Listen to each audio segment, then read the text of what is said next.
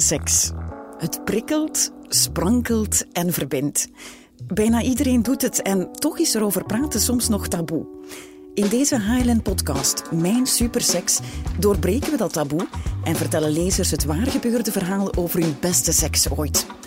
Onze journaliste, Roxanne Welles, noteerde hun ervaringen en kreeg toestemming van de vertellers om hun verhaal ook te laten inlezen door onze stemmen.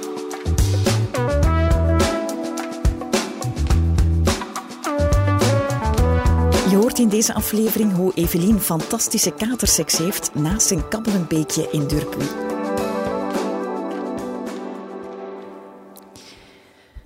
Robbe en ik zijn een coronakoppel. We leerden elkaar kennen tijdens de lockdown en na een half jaar woonden we al samen.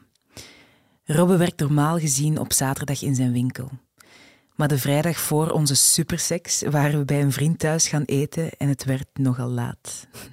Zaterdagochtend erna hadden we beiden een kater en geen zin om op te staan.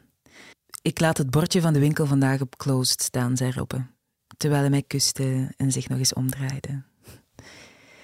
Zodra we goed en wel wakker waren, zijn we naar de Ardennen gereden. Het was de eerste keer dat we er samen op uittrokken met de auto, dus ik had er echt super veel zin in. We reden eerst naar een supermarkt om wat lunch te halen en onderweg zagen we een feeriek plekje om te lunchen. Een open veld met hoog gras, vlak naast een kabbelend beekje. Het was zomer, de zon scheen en we besloten impulsief om er te stoppen. We deden onze schoenen uit en waden door het water. Toen we een fijn plekje in de schaduw hadden uitgezocht, laden we onze boodschappen uit en genoten we van de lunch. De sfeer die tussen ons hing was al de hele dag speels en frivol. Na het eten vlijden we ons neer op het hoge gras met het kabbelend geluid van het beekje op de achtergrond. We praten wat, lachten en zoenden een beetje. Zijn handen verdwenen onder mijn topje en dwaalden rond over mijn buik. Ik voelde overal tintelingen.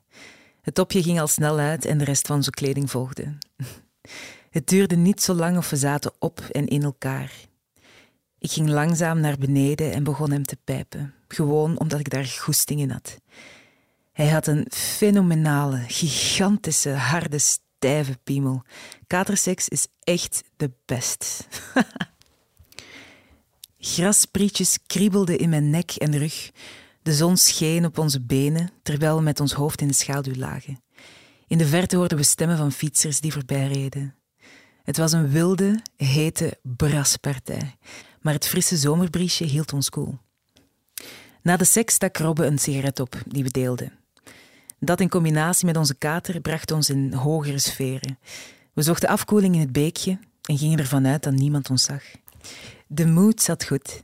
We waren allebei lekker ontspannen en toen we ons terug in het gras lieten ploffen, volgde al snel een volgende vrijpartij, die nog intenser was dan de eerste. Ik kon mij helemaal laten gaan en dat vergrootte zijn opwinding natuurlijk alleen maar.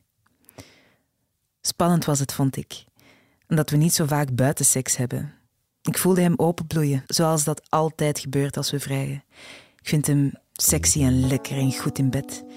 En hij noemt mij zijn seksgodin. Iets verderop was er een chalet waar een oude vrouw haar rozen aan het snoeien was. Na onze tweede ronde beseften we dat ze ons duidelijk in de gaten had. Tja, ik denk dat ze jaloers was.